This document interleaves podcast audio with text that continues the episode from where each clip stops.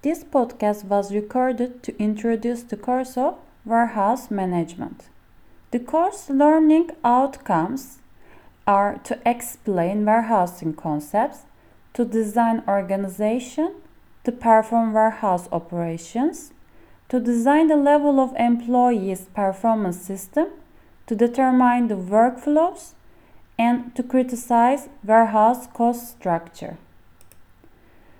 The topic of the course are about definition, history and reasons of keeping inventory, enhancements in Turkey and the world, organization charts, roles, responsibilities, performance management, health, safety and environment, warehouse types, location and tracking systems, handling equipments and process flows, warehouse visit, IT systems, activity-based costing structure, revenue generation, and profitability.